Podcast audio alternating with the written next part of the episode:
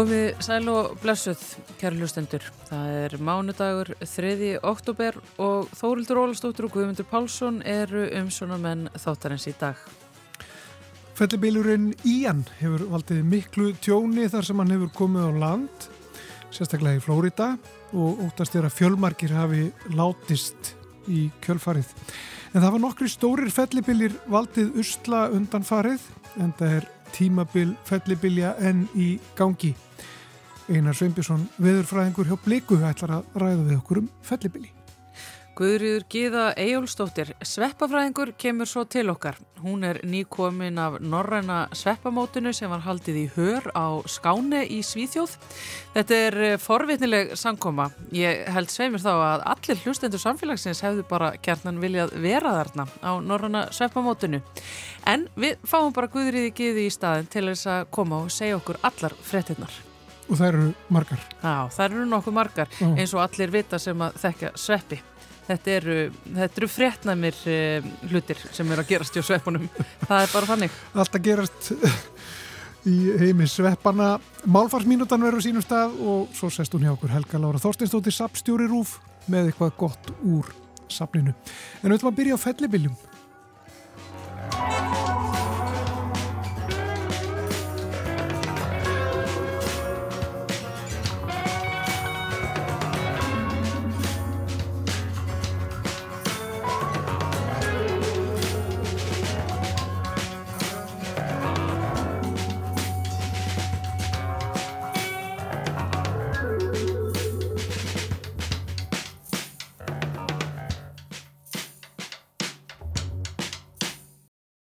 Við höfum heyrt fréttir undarfarið af fellibiljum um, sem hafa valdið miklu musla. Það er aðalega einn sem að hefur verið fréttum, það er fellibiljurinn Ían uh, sem að olli miklum usla uh, í Flórida.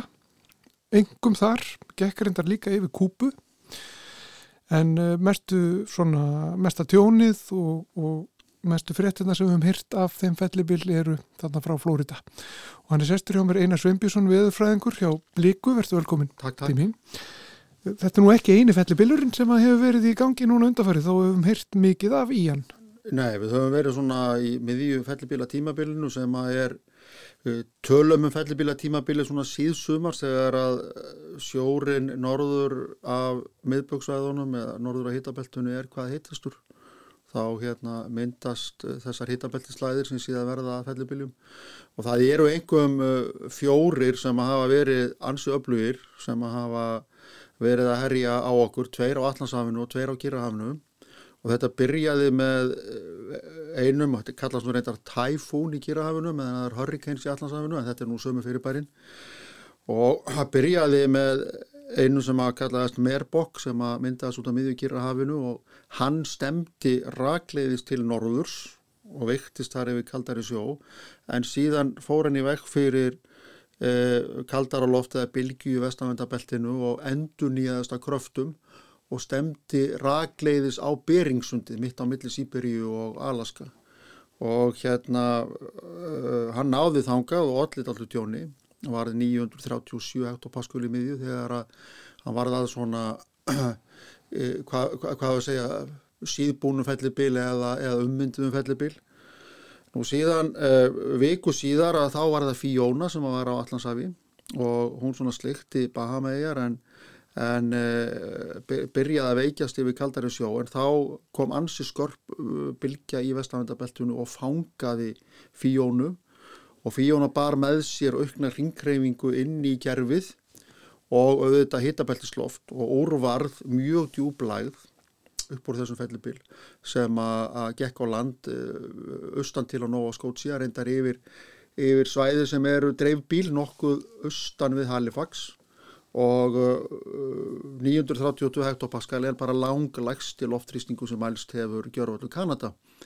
Þannig að, að þetta var stór og mikill atbyrður þar og, og rata er og verið lítið í fréttirna hér eitthvað aðeins vegna þess að við vorum á sama tíma eða hálfu sólaring síðar að glíma við óveður okkar fyrir austan sem að var reyndar tengt þessu með óbeinum hætti. Síðan kemur nú jókerinn í þessari fellibilja upptalningu, það er Nóra eða Nóru á Kirrahafinu sem að fóri yfir Filipsegjar, Lúsen eigu Filipsegja, þetta eru Filipsegjar mjög þjættbílar og þetta var sankallaður ofur fellibilur og við fengum litlar fregnir af honum. Uh, svona það voru svona einhverja, einhverja frettir í skeitastíl en hann uh, sko Filipseyingar eru það er, sannlega, það er engin þjóð í heiminu sem er er hérna jafnver, sko, fellibili herja jafn oft á eins og Filipseyjar og þeir eru með viðbrasáallin þeir rýmdu svæði sem telja miljónir manna og enga síður gekk flóðbylgi á land og, og í þessum ofurfellibíl þá voru loftrýsingu niður í 922 hektopascal og hann er sá upplugasti held síðan áfram til Vietnám og skvetti þar aðala úr sér mikill í úrkomu. En ofurfellibílur? Já, það er segja við tölum um ofurfellibíl þegar hann er orðin svona 15 stiks pluss Já, Já og þetta eru nokkur stík, þetta eru fimm stík Þetta eru fimm stík, fyrst er hitabeltislag svo verður þetta fyrst fellibíl og þá þarf að nokkur atrið að vera uppfyllt meðan annars að sjást auga í miðjunni og svona varandi þrýsting og, og vind og ímislegt annað og svo hækka þessi, þessi stík eftir þessum, þessum kvarða. Og, og svo síðustu þá höfum við í hann sem að, að var svona dæmi gerður allarsásfellibílu sem að kom inn í Karabíahafið Eh, eldist þar fór yfir eina af eijónu þar sem var vesturluti kúpu og eh, eldist enn frekar við það að komast inn í Mexikoflóa í þann ofurheita sjó sem þar hefur verið á þessum árstíma undanfærin ár og, og hérna var það fjórðastiksfellibíl áður en hann náði landi á, á Flóriðaskaganum Þetta Já. var svona sínt með allt í góðum fyrirvara og, og það var eins og við vissum talsveit mikið viðbúnaðar og hann fór ekkit fram hjá okkur. Já, enga síður sko þá þrátt verið viðbúnaðin og, og spár og að fólk hafi vitað af þessu þá, þá dóu margir. Já, það er, nefnilega, það. það er nefnilega alveg merkilegt að, að það er tölur sem bárust í morgun segja að það hafi að minnst okkust í 90 manns farist beint eða óbeint af völdum þessa fellibils uh, meðal annars kvóldi bát með flóttamönnum, þar eru tíu. Og, uh, og svo er það þannig til dæmis í, í bandaríkjunum og þó að viðbúnaði sem mikill og það eru svæðir og rýmt þá fer, að fara ekkit allir eftir fyrirmælum. Og ég sá myndir meðan á þessu stóð það sem að voru inn að gæsalapa einhverju ofurhugar að, að synda í flóðbylgjunni sem kom sem eru þetta stór hættulegt og einhverjur hafa ábyggilega tínt lífi, lífi þannig. Og svo voru aðrir sem að neyta að fara fara og syndast af og fá yfir sig eitthvað tjúkandi braki eða eitthvað slíkt sko. Mm -hmm. þannig að það sem ég er sko í, í á þessum slóðum það sem er hættulegast við fellibílina þar sem ganga á þetta á þennan lálenda skaga sem, sem Flórida er jú það er, þetta rignir heilmikið en það er flóðaldan. Það er stormflóðið utan af hafi sem að sjór gengur á land.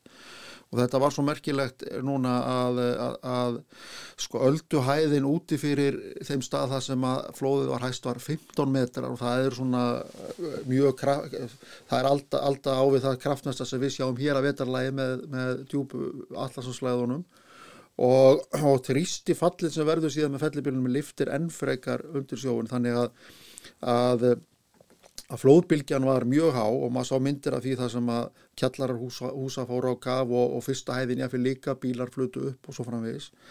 En þetta var mjög staðbundið í, í svo kallari lísíslu í Tampaflóa hins vegar það sem lengi vel var, var ætlað að vestaveðrið yrði eh, hann lendi í baklið fellibilsins og þar var í raun og veru útsók þar var blésvindur af ströndu og, og, og appfræðin í þessu er bara þannig að á bakliðinni að þá lækkar sjórin mm -hmm. þannig að það er tæmtist fjörðurinn í staðið þess að, að alltaf gengi á land þetta er nú það eitt af því sem er, er, hérna, er vandkvæðum bundi við það að, að spá og, og vara við að það þarf í raun og veru að, að grípa til aðgerða á miklu viðfemari svæðum en spáin segir tilum vegna þess að örlítið nýg getur breytt svo miklu. Já, hversu nákvæmar eru þá þessar spár? Það er þóttu nú bara mjög nákvæmar núna og, og, og það ég hefði nú reyndar síðan alveg fullkomna nákvæmar en það var dálítið nýg uh, síðasta sólarhingin vegna þess að fellibilunum var að eblast og þá hefur það áhrif á stefnu hans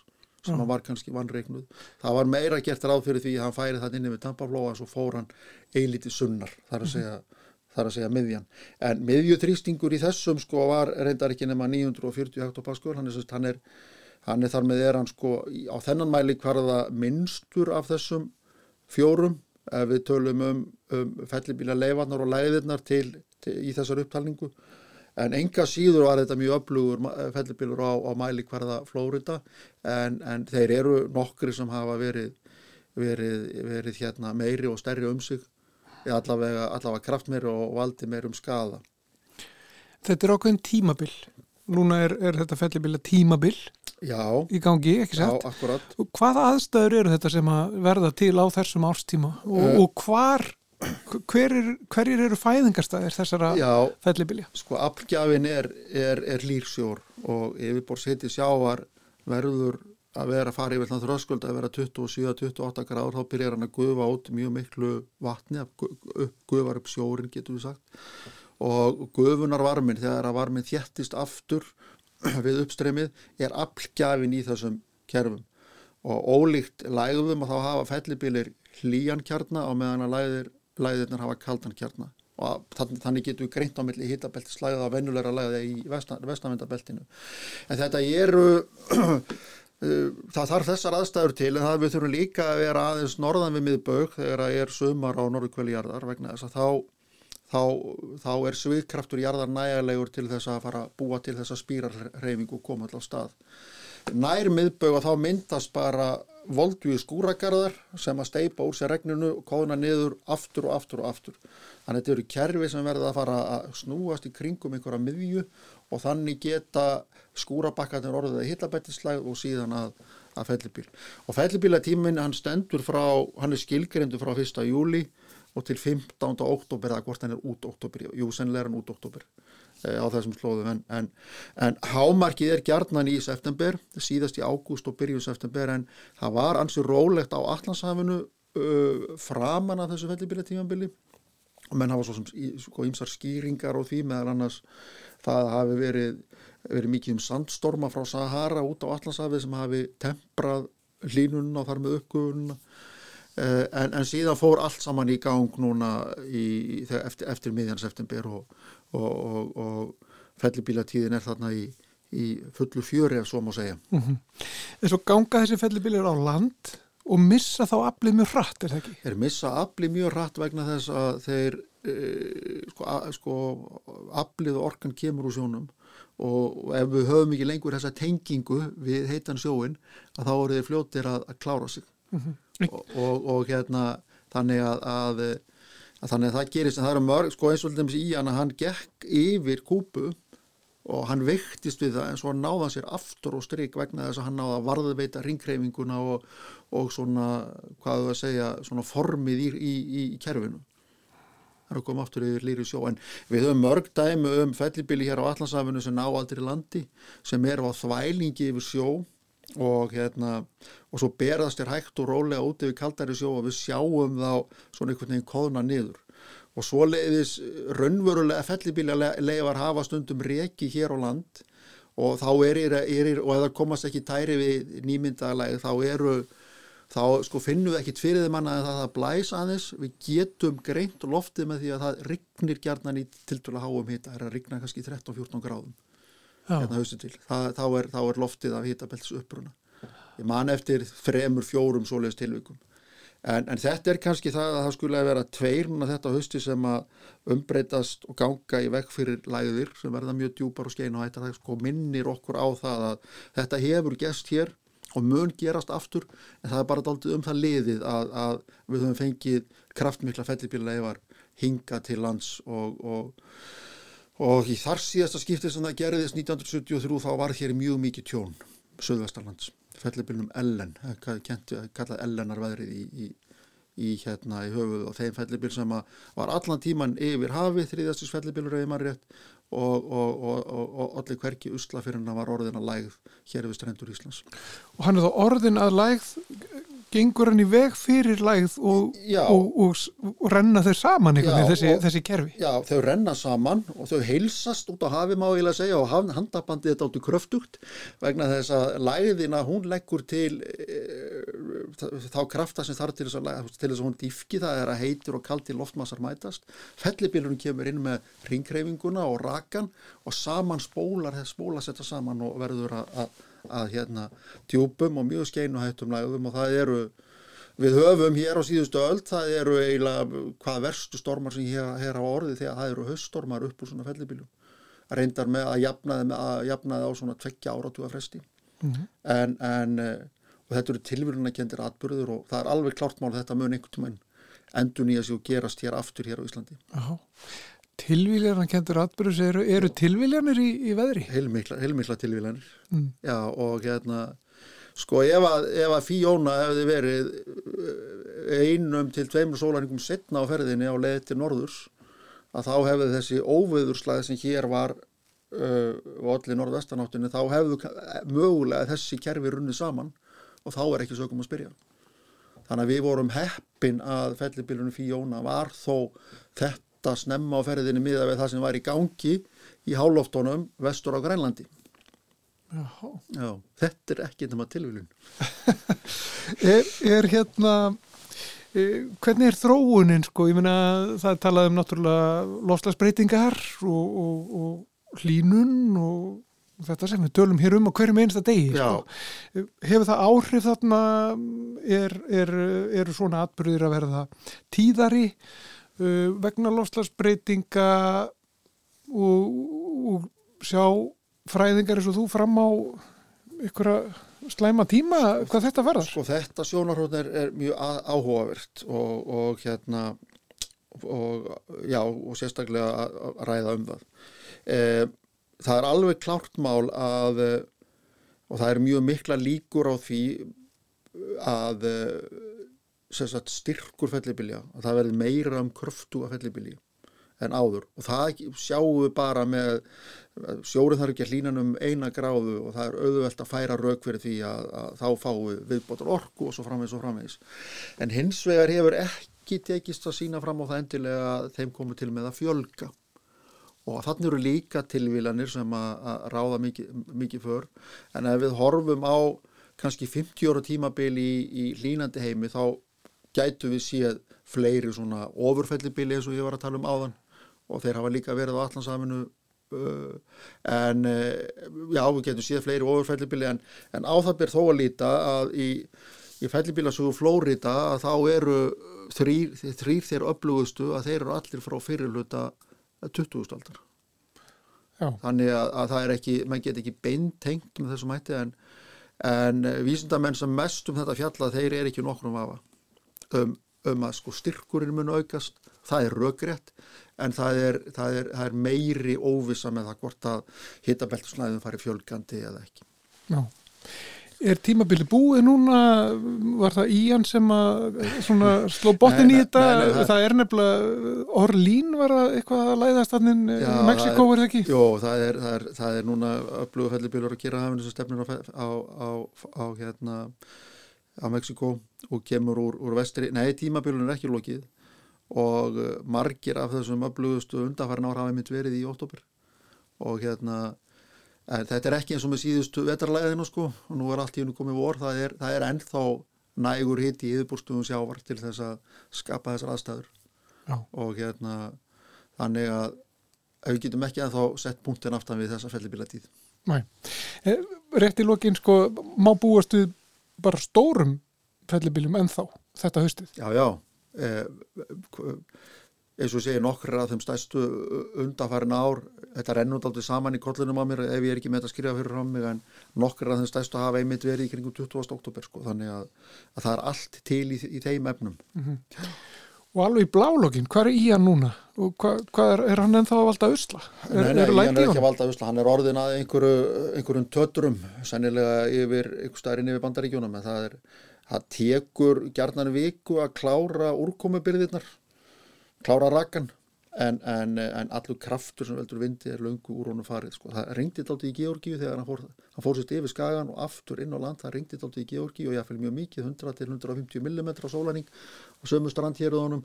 Og svo bara klára hann sér hægt og rólega hann inn á landi. Já. og við myndum ekkit verða neitt vörfið í hann hér? Nei, ekki úr þessu, það er alveg klart mál. Takk fyrir komuna Einar Svimpisson viðfræðingur hjá Blíku Takk, takk,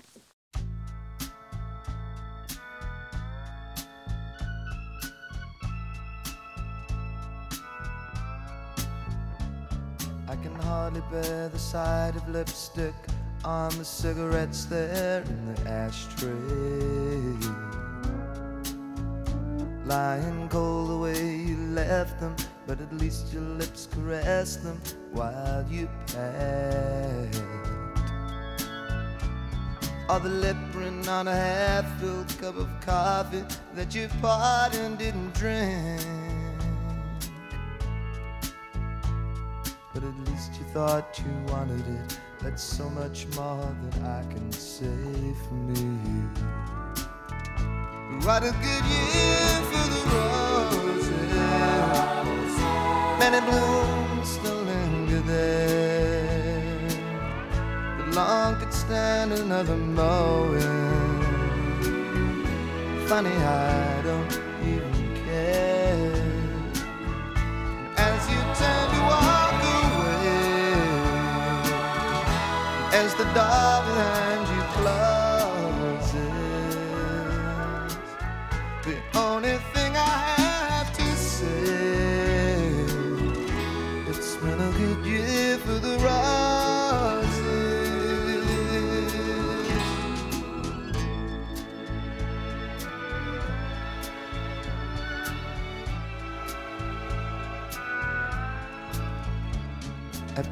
full years of marriage, it's the first time that you haven't made the bed. I guess the reason we're not talking, there's so little left to say you haven't said. While a million thoughts go racing through my mind, I find I haven't said a word. Bedroom, the familiar sound of one baby's crying goes unheard. But what a good year for the roses. Many blooms still linger there. Long could stand another mowing. Funny, I don't even care.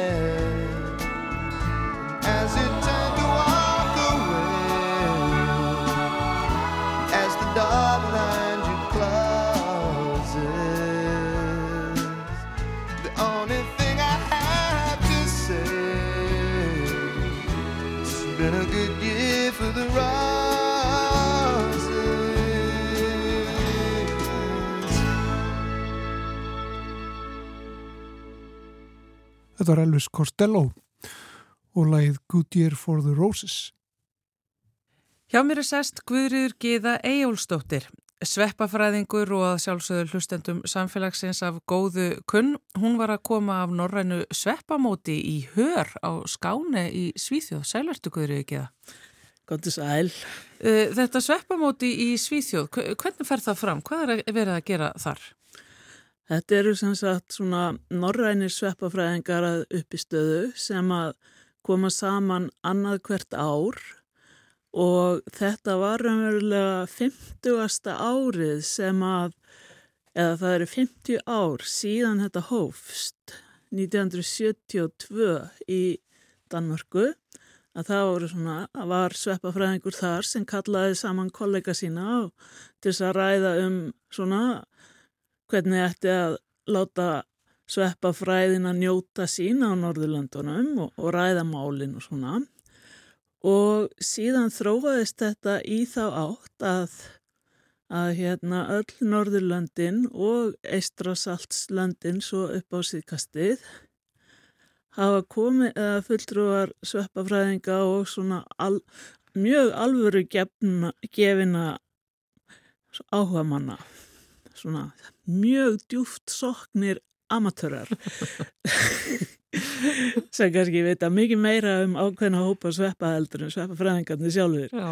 að, að, hérna, að þetta fólk kemur saman einhver staðar og er í viku eða sem sagt virkudagana sapnast saman á mánudegi og á einhverju fyrirfram ákveðnum stað sem til skiptis á Norðurlandunum nema Ísland hefur ekkert verið með í þessu utan einn, það var svona eitt svona aukalegt sveppamót haldið á Hallormstað og nágrenni 1993 Já, en annars er þetta til skiptis í Danmörku, Svíþjóð, Núri og Finnlandi. Og, og hérna fólk kemur, Fyrst, fyrsta kvöldið er svona farið yfir dagskrána, hvað er, fyr, hvað er ætlast til þess að, hvað menn ætla að gera og, og hérna svona svæðið kynnt og á þá einhver staðkunnugur sem gerir það. Já, og síðan morgunin eftir að þá fara allir í annarkvort rútu eða skipt niður í bíla á fyrirfram ákveðna staði, það eru svona kannski frá því að vera einn upp í fjóri-fimm sem að eru valdir á hverjum degi og fólk velur þá hvaða staða vill fara á. Og, og hérna svo farið á staðinn og dvalið þar annarkvort á einum stað eða flutt sig í, mið, mið, í miðjum klíðum yfir á annan að, að þá er farið á staðinn og sapna sveppum. Já, og, og allir sapna því sem þeir finna. Það er svona misamt hvað menn sjá.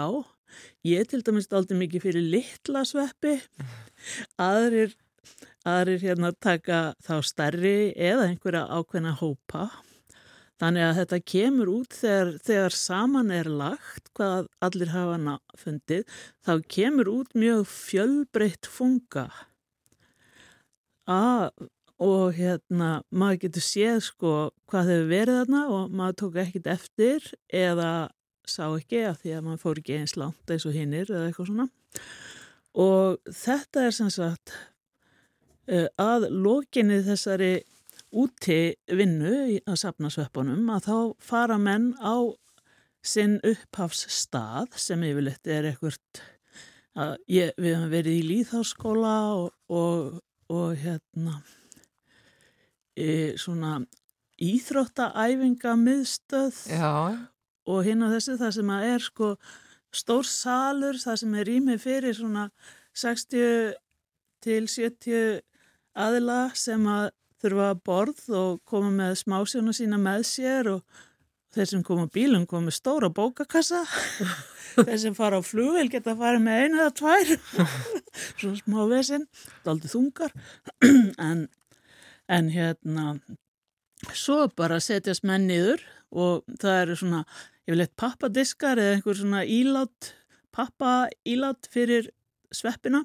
Þannig og, og svo eru miðar sem skrifar á nafni á sveppnum hver sapnaðunum, hvar hann fannst og GPS-nýtt á staðnum og dagsetningu og, og svona það sem þarf og, og hvers konar land, lendi þetta var, beikiskóður til dæmis á beiki löfblaði eða eitthvað svona. Já, og, og þetta fer á pappadiskin og svo sveppurinn ofan á og svo stilt upp á borði og svo með tímanum fram á kvöldið þá fyllast borðin af þessu og svo getur maður tekið svona sightseeing, lappað um og sagt að þarna er þessi, svona lítur hann þá út, hefur kannski bara síðan á myndið eitthvað svolítið í bók eða bara alls ekki. Og getur þú þá skoðað þetta þá líka að þú segir að þið eru með smásjá og, og önnur slík tæki þannig að þið getur meira segja farið og, og kíkt á það mjög uh, náið. Já, einvolsið, jú, jú. Það er nefnilega þannig að þegar maður kemur að því að finna einhvern svona lítinn brúnan svepp eða jáfnvel stóran hvítan svepp að þá, þá eru kannski mismunurinn á einhverjum tveim tegundum liggur í því að, að hérna, það er ílang fruma á, á fan ekkinni á annari á, á öðrum sveppnum en, en hérna ílang fruma með hnúða endanum á hinum, samsvarandi Já. og kannski munar einhverju smávegis á lögum gróana þannig að önnur eru kannski svona já, hvað er maður að segja, strömlínulagaðri heldur en hinn sem eru kannski svona næstu í nöttótt.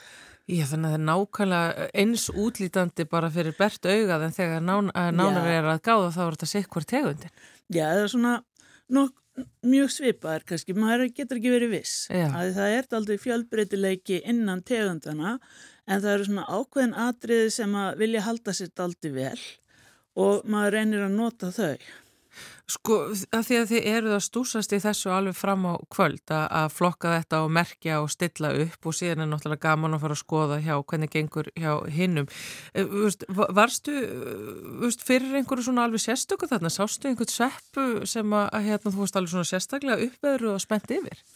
Já, kannski ekki ég að því að sko hérna á Íslandi þá er þetta aðlega svona næstum því fjallafunga og næstum því heimskautafunga og þannig að í söðu svíþjóða þá er ekkit mikið af svoleiðis. Mm -hmm. Þannig að, að hérna, en, en félagin mínur urðu nokkuð, nokkuð æstir þegar ég kom með eitt sem að heitir Melanophyllum Eyri, Eyri og hann var bara svona freka lítill og lítill sveppur var svona gulur að sjá. Já. en þegar, þegar ég tók hann upp leitt neðan á hann eins og maður gerir alltaf með sveppi ná, maður skoðar undir hattin Já. þar blöstu við sko bláar fanir. Nei. jú, Bara Og- gulur og blár. ég það er blára neðan. Alveg skuggalega flottur. Þannig að það er ekkit margar tegundir sem eru svona með óvænt atrið undir hattinum, ekki svona mikið óvænt þannig að hérna þegar ég fór og síndi hérna, finskri stúlku sem hafði dálítið mikið fyrir bláa sveppi Já. þetta, ég vissi hún var hana í grend að þá alveg hérna hrópaði hann upp í- yfir sig þú hefur fundið þennan hérna, Vá. og nafngreindan og þetta er svona frekar fátíður sveppur En skemmtilegt. og já, þetta eru svona hérna topp dagar eða svona æsistundir Ég alveg sko veit að oft finnst fólki svona ráðstefnur og mót innan uh, sín starfs vera svona rétt mátulega skemmtileg en þetta er líklega það allra mest spennandi sem ég hef heyrt af. Ég hefði bara viljað vera þarna líka. Já, það hafa nú ekki verið margir fréttamenn hafið með, ekki þegar ég hef verið, en ja, það er aldrei að vita, sko. En sko tilgangurinn náttúrulega með þessu móti er náttúrulega að setja ykkur saman eh, hérna norrannu sveppafræðingarna en veist, þessi skoðun og þessi flokkun sem að þið farið yfir, veist, Já. það hlýtur líka að skila mikilli, sko, miklum upplýsingum og, og innleiki til fræðana. Jú, til, þá, þá hérna fást mikið meiri upplýsingar um þessa staði sem við fórum á, hvað hefur fundist þar og, og sem sagt að það voru þarna menn frá háskólum sem, þar sem eru sveppasöfn og þeir voru með stóra rauða miða sem seg, sagði að að sveppasafnið í Gautaborg ásælist þennan svepp til þess að setja ofnin diskin sem að þessi sveppurinn hafi verið settur. Þannig að ef að eigandinn gætt séð af honum í safnið að þá hérna tók safnið sveppin. En svo er líka þetta skipta upp eða voru fleiri en einn eitt, eða voru fleiri en eitt aldin að þá gætt gat hás, háskólasafnið fengið annað og eigandinn hitt sko. En, en þetta er, og svo eru, sko, sumir eru sendir svo áfram í, í, í hérna skoðun á erðefninu, greint, raðgreint einhver ákveðin svæði á því til þess að staðfesta að þetta sé rétt greint, sko, Já. eða fá fleiri enkenni til þess að greina eftir. Og við vorum, það undirbúningsnefndin var búin að fá leifi til þess að fara inn á alls konar náttúruvendarsvæði og stunda það ránirkju. Já. Já, við máttum sapna sveppum sko, við vorum búin að fá leifi. Já, ég menn þetta er náttúrulega allt í góðum tilgangi. Já, já, En, en Guðrúkið það, hefur það einhvern tíðan komið fyrir þegar þið eruð að, gera þetta á þessum mótum ykkar, sapna saman, að það hefur fundið sveppur sem er ekki þekktur? Um, ég bara veit það ekki.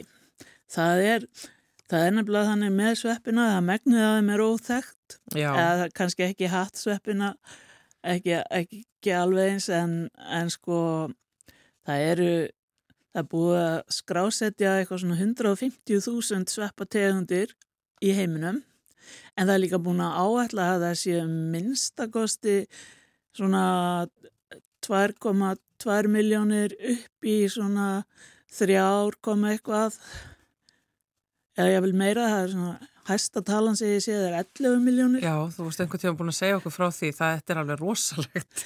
Þannig að þetta, þetta er sko framtíðar atvinna fyrir þó nokkuð marga aðila að vinna í því að bara, bara skrásetja hvað er til. Og fá að fara svona skemmtileg mót inn á milli. Já, þetta er nefnilega vill svo til að þessi, þessi norrænu sveppafræðingar sem sækja þessi mót, þeir eru svona næstuði eins og fjölskylda. Já, Þetta verða góðir kunningjarmanns og, og hérna þegar maður hefur séð framann í fólki er líka auðveldar að segja, "Hörru, ég fann hérna grænan svepp, uh, get ég fengið að senda þér sínið og getur sagt mér hvort þetta er þessi, ég er bara alls ekki viss.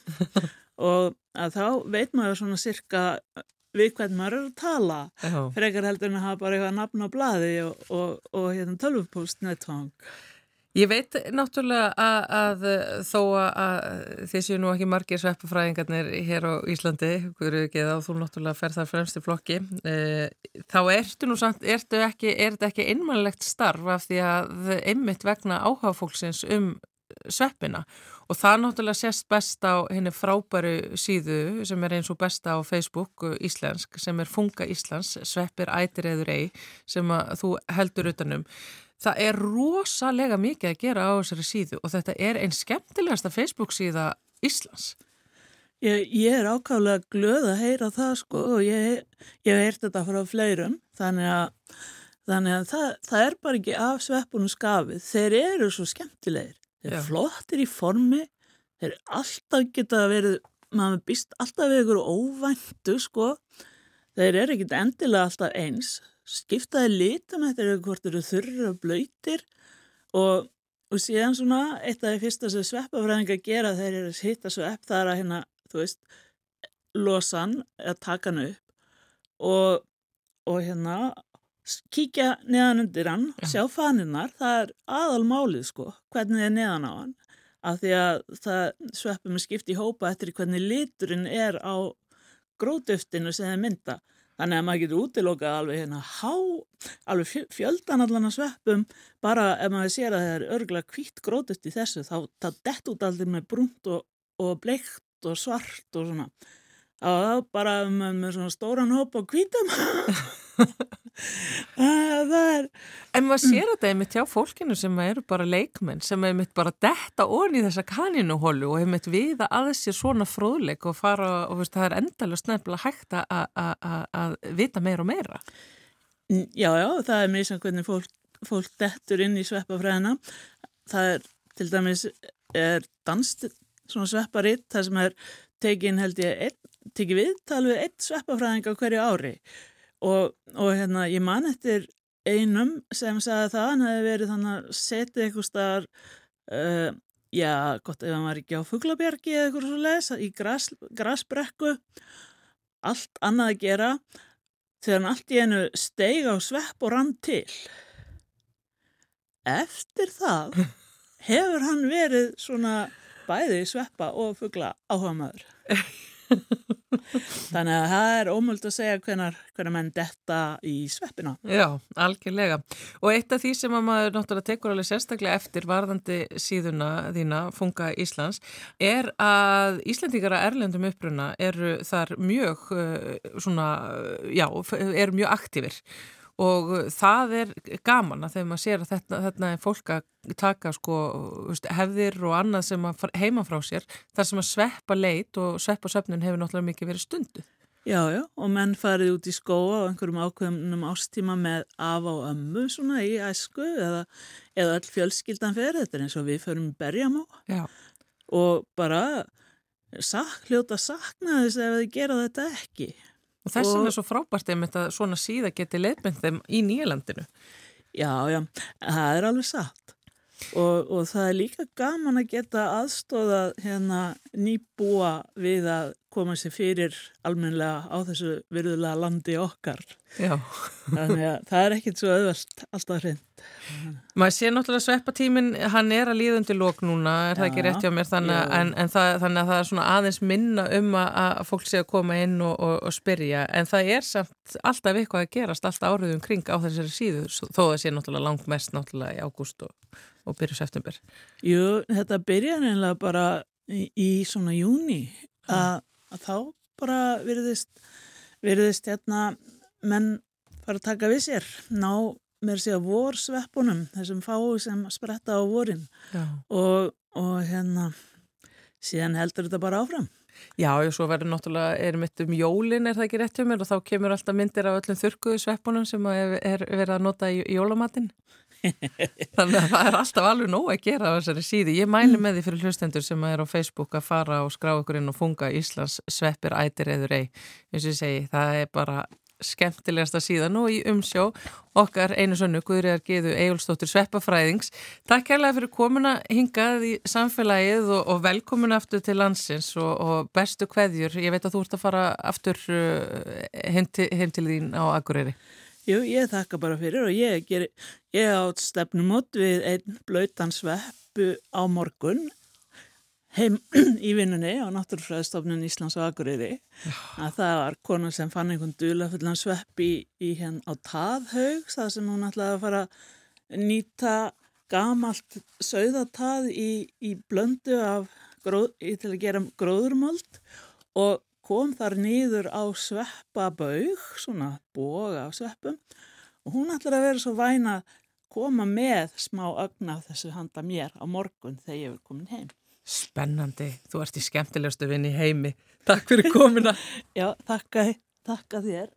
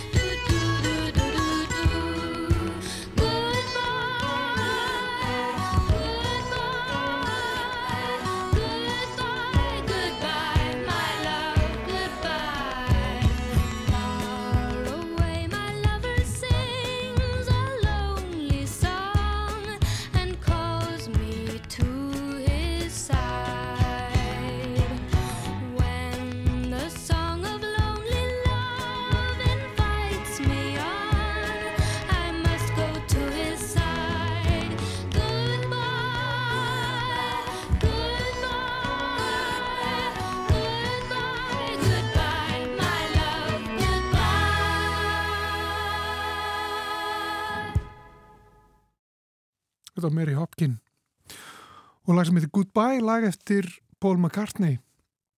En viljum ég rétt á eftir að eh, tala við hana Helgu Láru Þorsteinsdóttur, sapstjóra Rúf, en fyrst er að málfarsminúta.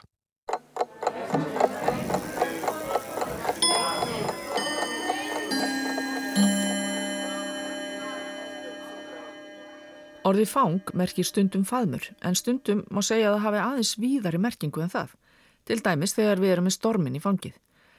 En fang hefur líka aðra merkingu, dýra fóstur. Að taka fangi þýðir að egg kvendýrs frjókast. Að halda fangi er að halda fóstrinu. Að missa fangs er að missa fóstur, bera eða kasta fyrir tíman. Þetta er ekki notaði mannsfóstur, heldur fyrst og fremst um kindur, kýr og jafnvel rissur. Það er lítið á orðabókum og uppflettilitum að græða um uppruna og merkingu orsins fang og tengingin millir merkingarinnar faðmur og merkingarinnar fóstur er ekki alveg auðljós þótt að sé kannski ekki langt á milli faðms og móðurkviðar.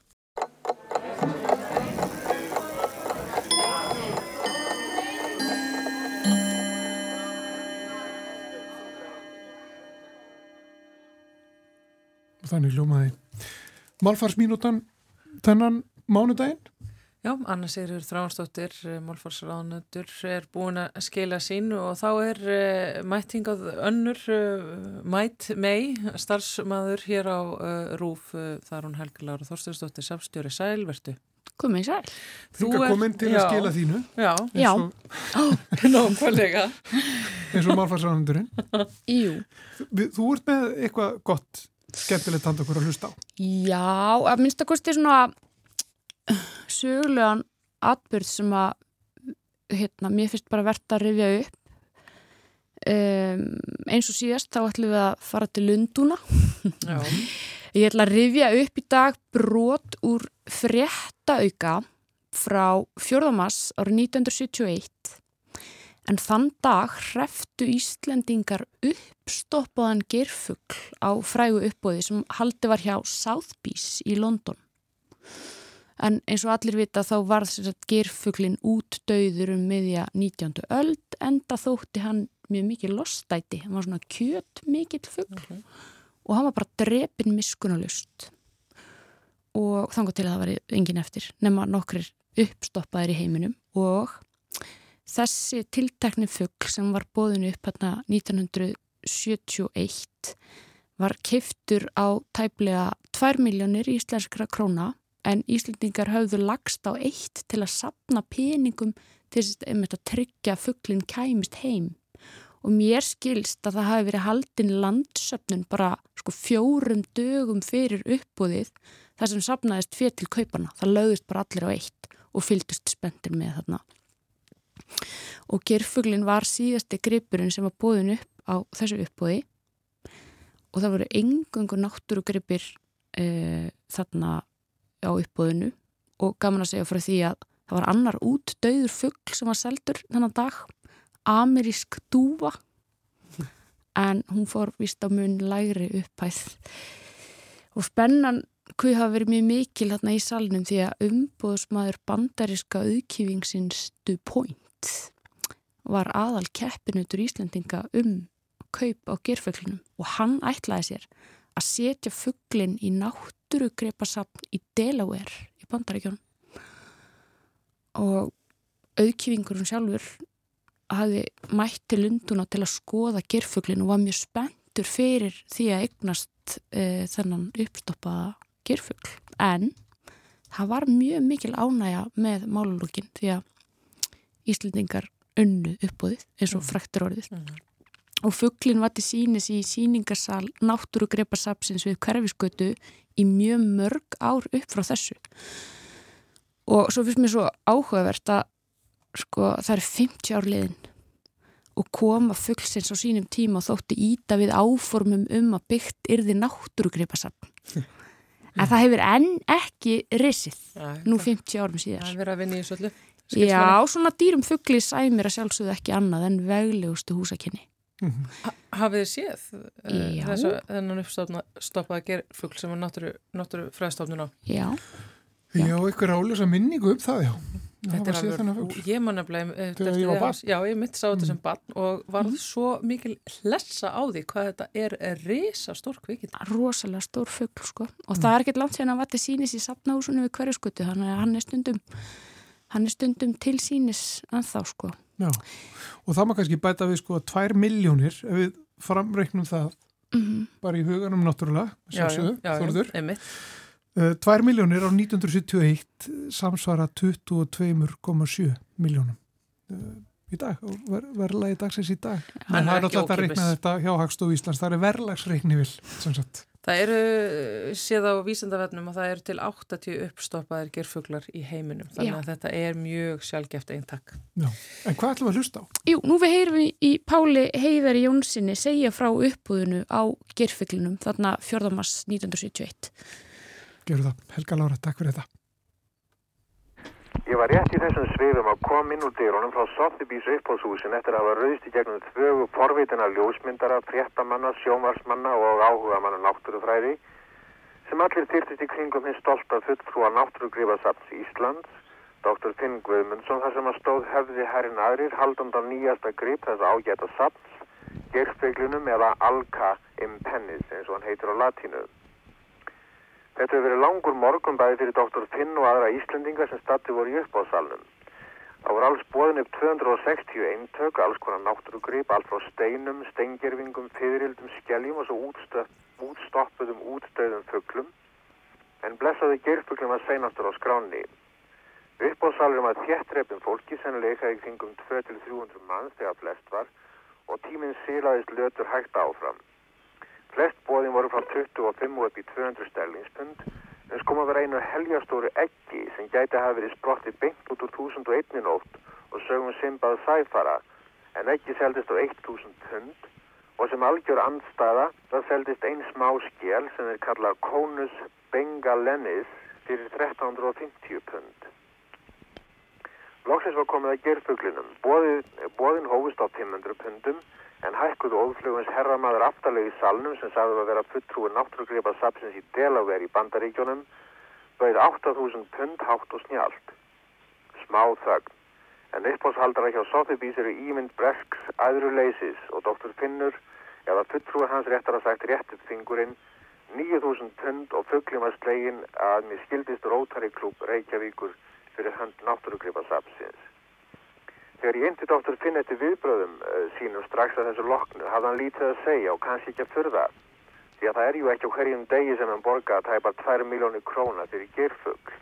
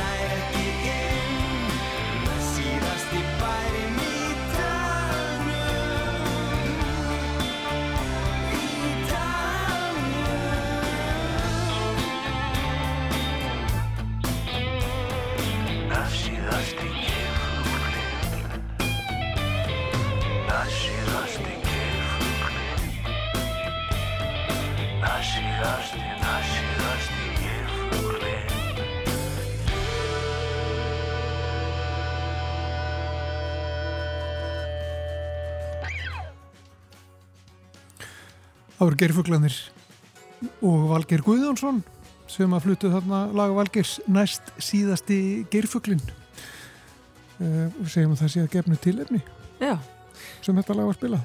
en þetta er líka það síðasta sem við heyrim frá samfélaginu í dag en við erum ekki útdauð, við komum nefnilega aftur á morgun með annan og nýjan þátt Þórildur Ólustóttur og Guðmundur Pálsson, hverja þanga til.